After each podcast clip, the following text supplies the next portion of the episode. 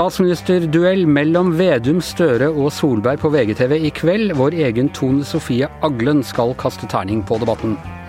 Og FNs nye klimarapport levner absolutt ingen tvil om den noen gang fantes. Klimaendringene er alarmerende, og de er menneskeskapte.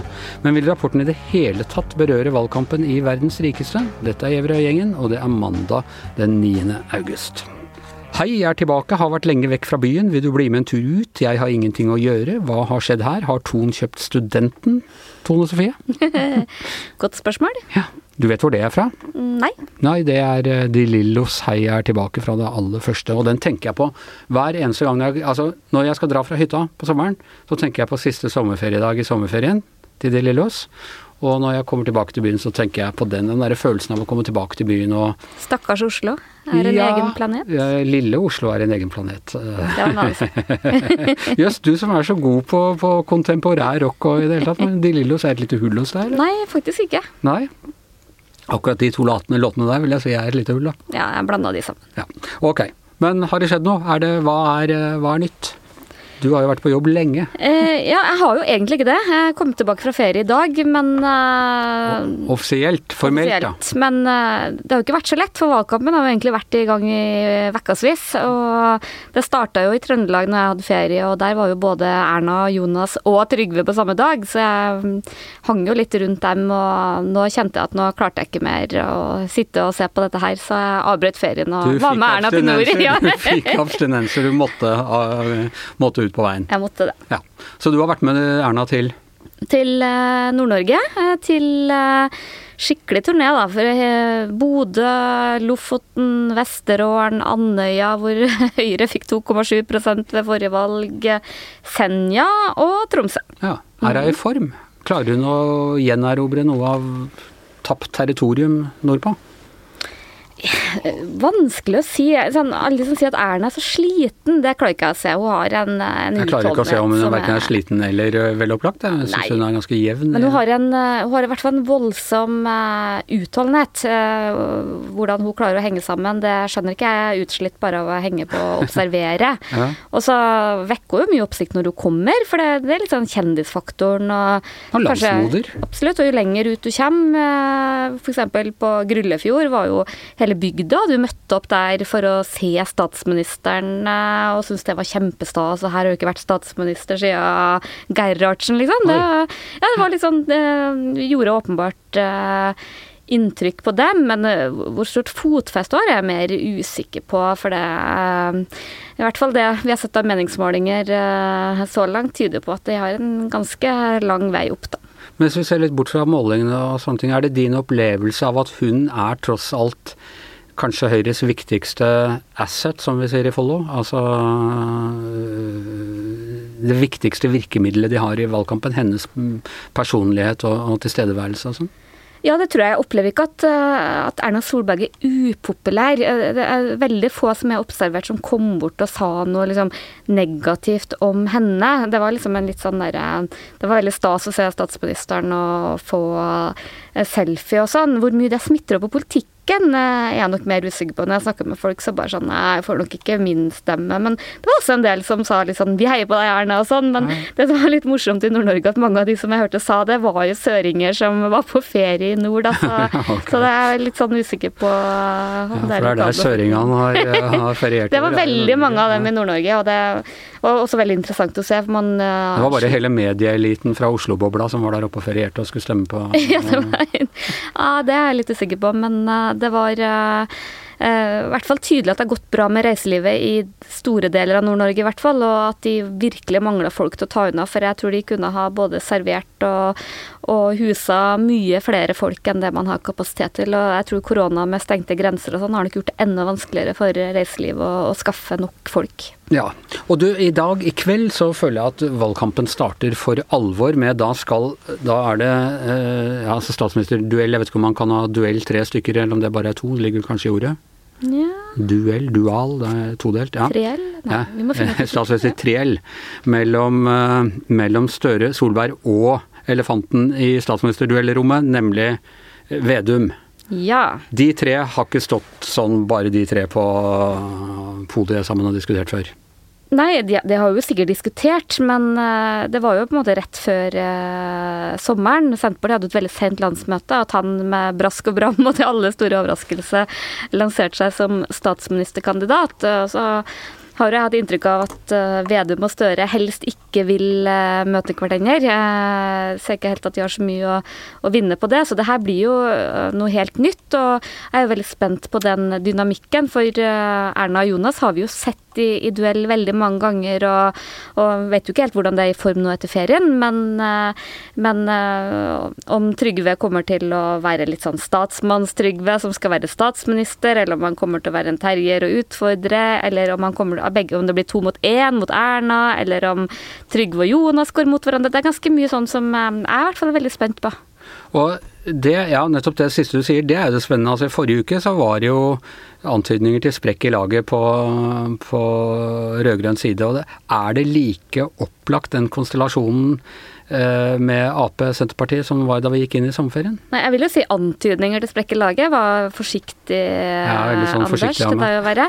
Eh, for det, jeg ble egentlig veldig overraska over hvor mye konfrontasjon det var mellom Arbeiderpartiet og Senterpartiet. Jeg har liksom sett for meg at det er sånt som kan skje i kampens hete og i sluttspurten. Det er jeg litt sånn usikker på nå, om det der er litt sånn arbeidsuhell, eller om det er Senterpartiets uh, Eh, strategi. For det er jo litt det som er det, det borgerlige håpet òg, at de skal liksom klare å slå såpass mye kiler i det rød-grønne samarbeidet at det gjør velgerne usikre. Ja, og det, og det er jo en eh, kuriøs posisjon Senterpartiet er i, hvor de, hvor de stjeler liksom like mye fra, eller i hvert fall store deler fra både venstre og høyresiden. Masse Frp-ere som skal stemme mm. Senterpartiet, men, men, også en god del, altså hele den der Jan Bøhler-effekten av, av, sånne eh, klassiske Ap-folk som, eh, som nå er frista av Senterpartiet. Ja, og det er, jo en, jo en kjempespagat, for eh, det ene er jo det åpenbare at eh, Senterpartiet har tatt veldig mange Frp-velgere, og også ganske mange Høyre-velgere, eh, og skal beholde de, og det, da, er det et dårlig sjekketriks å være altfor god venn med SV og ikke minst MDG og Rødt. Men det andre er jo at uh, sjøl om Arbeiderpartiet og Senterpartiet skal samarbeide og og for så vidt er venner i politikken, så er jo de to faktisk hovedkonkurrenter om velgerne. Og det er jo gjennom beiting på Arbeiderparti-velgere både i nord og eh, på Vestlandet og tradisjonelle industriområder og sånn, at eh, Senterpartiet har fått vokse seg så stor. Så det er jo det er en ganske sånn interessant eh, dynamikk. Og ikke minst er de uenige om hvem som skal bli, bli statsminister. Det er altså eh, Triell i kveld, Triell i kveld på VGTV. Eh, og eh, der skal du være og, og, kommentere antagelig både før og etter, og så skal du kaste terning. Ja, det er noe ja. av det gjeveste vi gjør, vi kommentatorer i, i, VG. Ja, jeg må innrømme at jeg er ikke terningkastenes eh, varmeste forsvarer, men eh, det er noen kameler man må svelge. Det er ikke bare politikerne, det er noen kameler man må svelge når man jobber i en tabloidavis som ønsker å engasjere leserne. så så da må jeg vel til pers, og jeg tror jeg gruer meg mye mer enn politikerne. Her skal vi røpe litt fra tabloidenes indre liv. Ja. Jeg har aldri egentlig møtt noen eh, kommentatorer eller kritikere eller anmeldere eller hva det måtte være, som er kjempefornøyd med det derre terningssystemet. I sin tid var jeg kulturredaktør i, i Arbeiderbladet, avskaffa terningen der en gang. Kjempepopulært blant alle anmelderne. Uh, Astrid Mæland, du er altså med oss. Hva, hva syns du om å kaste terning? Nei, det er jo ikke det artigste vi gjør, kanskje. Det har jo vært med på mange omganger etterpå der Hanne Skartveit har kommandert oss ut med sånne store skumgummiterninger som vi må trykke opp i ansiktet til de som har fått ener og toer og treer, og det er jo ikke så veldig hyggelig å gjøre det. Vær så god, Trine Skei Grande, her har du toeren på terningen.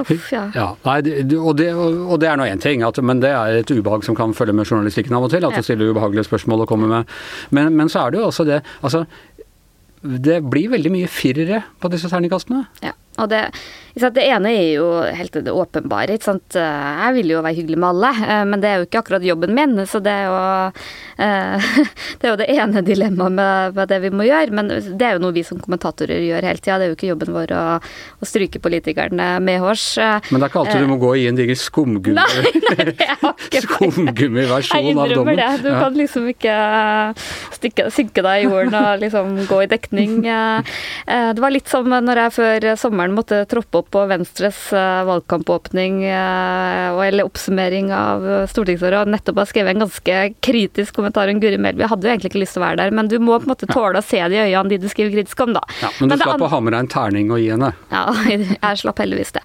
Men, eh, men det som jeg, jeg syns er problematisk, er jo at forutsetningene er jo så forskjellige. Og det har jo vært en sånn debatt i, i Klassekampen de siste dagene om hvorfor politikere får så forskjellige terningkast. Erna og Jonas har en tendens til å få sånn mellom fire og fem av, av oss i VG, og sikkert også andre aviser, mens eh, f.eks. Bjørnar Moxnes i Rødt ofte får veldig lave terningkast.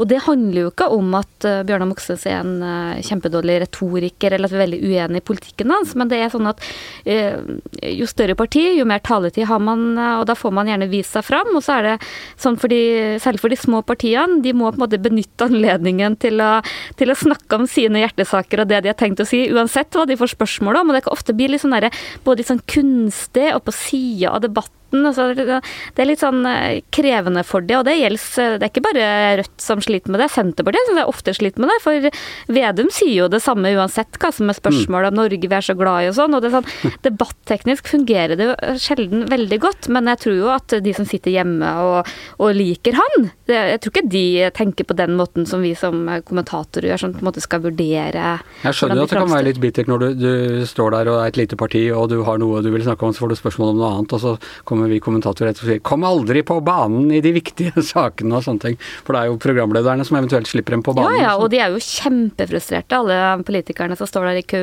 og, og brenner inne med ting og sånn. Så det er jo litt sånn det er nok ikke lett for dem heller, da. det, det må jo også sies en annen liten da, hemmelighet fra bakgrunnen. Det er hvor opptatt politikerne, eller i hvert fall rådgiverne deres, er av disse terningkastene. Og jeg har hatt mange på tråden opp igjennom og sinte mailer og, og i det hele tatt hvor de, hvor de, mener liksom at den var galt og dere er for snille mot den og for slemme mot den og ja. i det hele tatt. Ja, det jeg er egentlig litt overraska at jeg er så opptatt av det, for det, det varierer jo veldig. Og noen av debattene jeg har sett, så eh, varierer det jo veldig. Uh, også, det kan vi jo kanskje også innrømme, Astrid, i dette dette mellom oss tre, dette lille rom. Bare at, mellom oss tre, altså. Det kan jo hende at eh, vi som sitter og vurderer også kan være ganske så uenige, og så må vi på en måte finne oss fram til en sånn der eh, En eller annen middelvei som ingen er helt fornøyd med. Det går noen historier så, om det i VGs ja, eh, kommentaravdeling, ja. Jeg må bare si, altså, den, men om vi klager fælt, så, så, må jeg si at den som hadde den absolutt vanskeligste terningjobben i VG noensinne, vil jeg nesten si, dere må gjerne utfordre meg på dette, det var vår kunstanmelder Lars Elton som en gang VG hadde et oppslag om en sånn performance-kunstner på Kunstnernes hus som hadde sydd fast hånden sin til ansiktet. Uh, og, og, vi hadde oppslag da, det var mens Papiravisens oppslag liksom var det rådende, om sjokkkunsten og sjokkunstneren og i det hele tatt. Og så sendte de stakkars Lars Elton opp for å kaste terning på denne fyren som har sydd fast hånden sin i ansiktet. Hvilken terning ble det, da? Det ble vel fire, da. ja, det er jo egentlig mitt favoritt-terningkast, for jeg mener det meste i, i livet er terningkast fire. Eh, men eh, desken hater jo det. De syns jo det er kjempekjedelig. Morten Ståle Nilsen, som anmelder eh, mye film og TV-serier og, og, musikk og sånn for oss, han står fast på at fire er noe av det aller beste du kan få. Han har jo egentlig rett i det. Ja. Climate change is a problem that is here now. Nobody's safe, and it's getting worse faster. Ja, Astrid, det var frem, fra fremleggelsen av den nye klimarapporten til eh, FN. Som i all sin dramatiske form. Det handler jo bare om hvordan ting blir varmere, og det blir mer tørke, og det kommer til å bli klimaflyktninger, og det, og det blir uh, avlinger går under, og, og det blir oversvømmelser og, og, katastrofevær. Men var det egentlig noe nytt? Altså, Den rapporten er jo på 1300 sider, og 4000 til sammen, da, hvis vi skal ta med noten og alt sammen. Så jeg har selvsagt ikke rukket å lese alt det her på de tre timene som har gått siden den kom, men det har jo Greta Thunberg. Hun har tvitra allerede. Hun sier at det er lite nytt her. det var faktisk Trina eh, Thunberg jeg siterte her, jeg må, jeg må, innrømme det. Ja, nettopp. Ja. Men hun har egentlig rett, eh, Anders, da, fordi det internasjonale klimapanelet til FN de driver jo ikke og forsker på egen hånd. De bare samler sammen eh, mange hundre forskere fra hele verden som oppsummerer det siste og det beste eh, vitenskapelige på området. Og norske forskere er med, og de har sett på 14 000 rapporter. Eh, og de er jo kjent fra før, de her rapportene, men det kan kanskje kalles en slags metastudie. da. Eh, og den rapporten de kom med i dag, den er den første av tre. og Den sier ikke så mye om hva vi skal gjøre med det her, men den beskriver litt mer om hvordan tingenes tilstand er. De har bl.a. regionale rapporter, de har rapporter fra Europa. De har et sånn atlas som du kan klikke inn på og se hvordan det er rundt om i verden. Og hvis jeg skjønner de riktig, så er det sånn at altså, eh, oppvarmingen er eh, irreversibel. Vi får ikke klarer ikke å kjøle ned igjen. Vi kan bare eventuelt hindre at det blir enda varmere, eller det vil bli enda litt varmere, men vi kan ennå stoppe det fra, fra å gå opp i, i tre og, og øh, fire grader.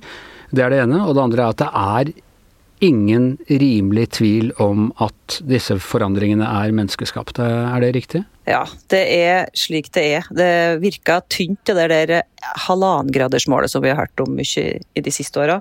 Eh, det ser ikke ut som vi klarer å holde oss under det. Om 20 år så er vi der eh, skal vi tro rapporten. Men eh, det er litt håp her da, om at hvis vi virkelig får snudd og uh, kutta ut uh, CO2 og drivhusutslipp nå, så kan vi klare oss under togradersmålet, muligens. Men hvis vi fortsetter sånn som vi gjør i dag, så går det mye dårligere. Da blir det mange grader mer oppvarming og ja, ikke noe særlig hyggelig rundt oss. Men er det altså Det blir jo tatt grep nå. Kina har satt et uh, tak uh, fram mot 2050 på utslipp. USA har etter at Biden uh, kom tilbake til makten uh, reversert USAs klimapolitikk. Er det, er det noe reelt håp om at man kan bremse utviklingen, eller er det også mer en sånn eh, ønsketenkning? Det er litt talende at vi har hatt en pandemi nå, og den pandemien så har jo utslippene eh, gått ned, eller de har blitt satt på pause. Men det betyr jo ifølge ekspertene ingen verdens ting, fordi at eh, det er jo ikke slik at vi endrer vaner når verden blir vanlig igjen. Så poenget må jo være at ikke at vi skrur ned forbruket eller slutter med fossil brensel i fattige land. Altså, det må jo være å gi folk et alternativ, altså strøm da, eller grønn energi, sånn at de kan bruke det istedenfor å bruke fossil brensel og istedenfor å hogge ned skogene. Ja, jeg vet ikke om den rapporten sier så mye om, eh, om hva vi skal gjøre, for det er ikke det den befatter seg med. Men vi vet jo i hvert fall at uh, Norge er langt fram. Vi har jo kommet um, kanskje lengst av alle, fordi at vi har den grønne energien klar. Eh, det er det jo kjempemange land som ikke er. De, de driver på kull og, og andre fossile brensel. Og Kina òg har vi jo sett de siste åra, selv om det ikke er kanskje og å lite på det landets statistikk, da, men vi har i hvert fall sett at de får en god del av utslippene si under et sånn eh, karbonprisingssystem, sånn at det blir dyrere og dyrere å slippe ut eh, CO2. da. Men det er en liten motstand i Norge også mot å gi slipp på oljen og en viss motstand mot utbygging av, av vindkraft og sånn. Tar vi egentlig helt inn over oss hvor alarmerende dette er? Du tenker kanskje å diskutere det med Tone og Sofie òg, men det er jo en del som sier at det her stortingsvalget som kommer nå 13.9 kan bli et uh, klimavalg. Det er jo en del som tyder på at norske velgere er uh, sett klimapolitikk uh, blant toppsakene sine nå. Og det har jo noe å gjøre selvsagt med Eh, dystre nyheter fra Canada, der folk har dødd i sårbar i hetebølge. Flommen i Sentral-Europa, der folk har dødd. Det er skogbrann i Sibir, og det er jo forferdelige bilder fra Hellas, der folk blir evakuert fra, fra hjemmene sine, og turister blir evakuert. ikke sant? Og det er så mye ekstremvær, og eh, tydeligvis mye mer enn en før. Så det her er, tror jeg noe velgere er opptatt av. Og jeg ser jo at uh, norske velgere er jo, ingen, de er jo helt sikre på at uh, global oppvarming er menneskeskapt, akkurat sånn som FN sitt klimapanel sier. og Jeg vet ikke hvor mye det er igjen i den der uh, i Norge i hvert fall, den der motstanden mot å tro på menneskeskapte klimaendringer. Tone Sofie, hva tror du blir valgskred for MDG som følge av denne rapporten? Nei, eh, nå tror jeg jo vi kommentatorer er bedre på å etteranalysere enn å spå. Men jeg har trodd at eh, Miljøpartiet vil eh, slite i denne valgkampen. For to år siden trodde jo alle at dette kom til å bli MDGs store gjennombrudd. Du hadde skolestreiker, uh, veldig mye miljøengasjement. Eh, så kom pandemien, som jeg tror gjorde at folk ble veldig opptatt av de nære ting. Bilen har mange fått et mye tettere forhold til i pandemien. Lommeboka, arbeidsplassen. Nå er det jo sånn, vi jubler over å kunne fly igjen, ikke sant, etter at man ikke har reist. Så, så jeg har i utgangspunktet trodd at klima ikke ville nå helt opp i det valget her. Så, så, så tror jeg denne rapporten og sånn er jo bra for uh, MDG, men om folk er veldig sånn der kobler vær i Hellas og, og klima, det, det, er jeg usikker på. Men jeg, jeg, jeg, tror ikke det er mye sånn klimaskepsis og sånne ting. Det tror ikke jeg. Men uh, om det er det som gjør at folk løper ut og stemmer, er jeg mer usikker på. Vi tror for så vidt på klimaforandringene, men gidder ikke å gjøre noe med det? Ja, men uh, jeg har å se når man får sånne undersøkelser som viser at klima er den viktigste saken, så, så har jeg litt den samme følelsen som når uh, vi spør leserne hva de liker å lese i avisa. Da vil de lese utenriks, og de vil lese ledere, og de vil lese for skikkelige ting. Jeg kan ikke si at tallene, det er ikke alltid tallene underbygger det, da, så Du mener at vår seksjon er avisens MDG, på en måte? Nei, men men, men tundraen brenner, ikke sant? Altså, det, er, det er virkelig det er apokalyptisk i, i mm. forhold til uh, min oppvekst uh, og i det hele tatt. Og, og det klimaet som var da jeg var barn, det er borte for alltid. Det er jo veldig, veldig dramatisk. Absolutt, men jeg tror likevel at det er noe med avstanden i, i, i tid og rom og sånn som gjør at det blir liksom Noen er veldig opptatt av det, særlig yngre, tror jeg. Men uh, om det blir den store saken, da vil jeg bli overraska, i hvert fall. Jeg kjenner at vi gamle er litt opptatt av det også. Hva sa du for noe, Astrid? Jo, jo det som jeg syns var litt interessant det jo, i den rapporten, her, er jo at det er jo vært slik lenge at forskere de tør jo ikke å si at uh, det er en sammenheng direkte mellom ekstremvær og global oppvarming når de blir spurt. Det er vanskelig, ikke sant? Det er en god del det, Den der brannen i Hellas er jo påtent. Mm. Og, ja, ja. og det var varmebølger i gamle dager. El Niño har ikke noe med global oppvarming å gjøre. Men i den rapporten her da, så står det at det er utvilsomt eh, menneskelig aktivitet som driver, eh, driver oppvarminga, og som fører til mer eh, problem. De sier at global oppvarming fører til skogbrann, til flom, til tørke, til varmebølge. Eh, det er ikke at sånne ting ikke skje, skje, har skjedd tidligere, men at det har skjedd mye mer siden 1950-tallet. Det blir mye oftere, det varer lenger og er mer intenst. Og hvis det blir to grader oppvarming, da, sånn som uh, et av scenarioene sier, så blir det enda mer sånne ting. Og for Europa sin del så blir det færre dager med frost og mer flom. Det var jo lystig avslutning på denne podkasten. det, er ikke helt, det er ikke helt avslutningen, fordi vi har et par Vi har en nyhet og vi har Altså For det første så er det Det skal skje mye eh, på podkastfronten i VG. Det er sikkert alle som følger litt med på, på uh, VGs podkastunivers uh, fått med seg.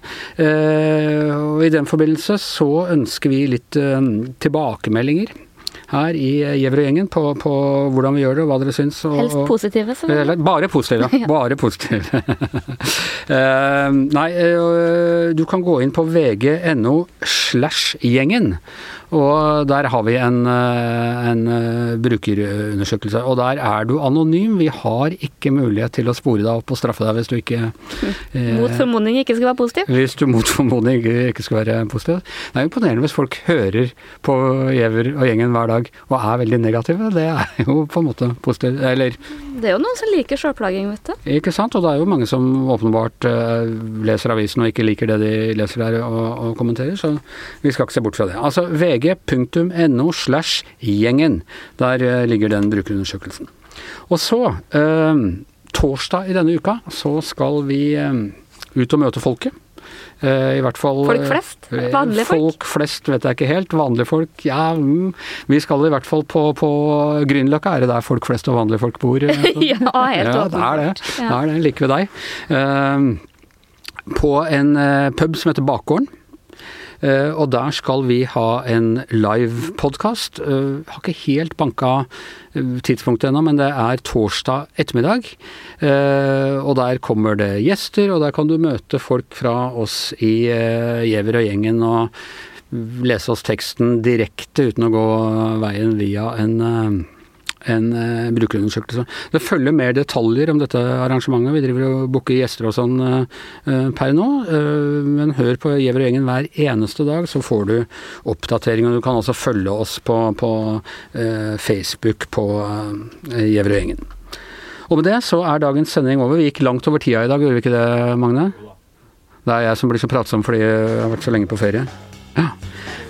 Jeg er innafor. Jeg får lov av Magne. Eh, så i, eh, i, studio her i Akersgata satt Tone Sofie Aglen og Anders Giæver, og med oss på link var Astrid Mæland. Og mannen som alltid holder en behagelig gjennomsnittstemperatur både i temperament og i studio, er vår produsent Magne Antonsen. Vi høres igjen i morgen.